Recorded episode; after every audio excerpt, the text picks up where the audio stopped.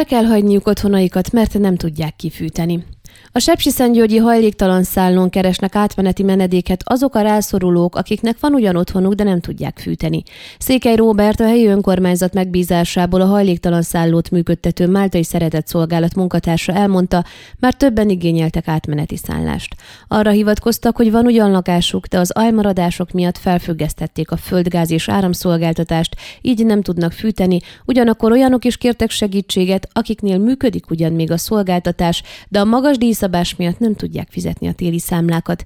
Székely Róbert elmondta, egyelőre eleget tudnak tenni ezeknek a kéréseknek, és ideiglenesen befogadják a bajba jutottakat. Jelenleg a szálláson 25-30 rászoruló éjszakázik, de arra számítanak, hogy épp az ilyen jellegű megkeresések miatt a számuk emelkedni fog.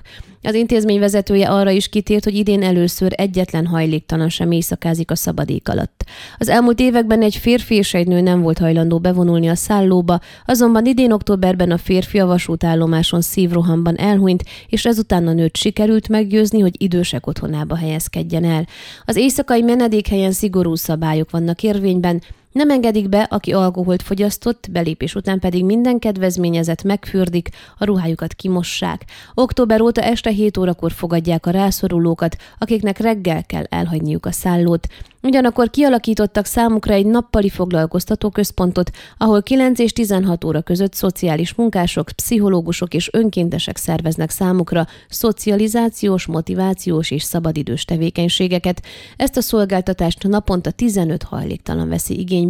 Székely Robert arról is beszámolt, hogy az elmúlt években segítségükkel 34 hajléktalan illeszkedett vissza a társadalomba, munkahelyet találtak, albérletbe, idősek otthonába költöztek, vagy visszafogadta őket a családjuk. A téli ünnepek időszakában többen ajánlanak fel adományokat a rászorulóknak, leginkább ételre van szükségük, meleg ebédre vagy vacsorára, ám fontos, hogy előre egyeztessenek az adakozók a szálló működtetőivel, mert ha egyszerre túl sok élelem érkezik, fennáll a veszélye, hogy elromlik. Az adományról a Sepsiszentgyörgyi Máltai Szeretett Szolgálat Facebook oldalán lehet egyeztetni. Ön a Székelyhon aktuális podcastjét hallgatta. Amennyiben nem akar lemaradni a régió életéről a jövőben sem, akkor iratkozzon fel a csatornára, vagy keresse podcast műsorainkat a székelyhon.pro portálon.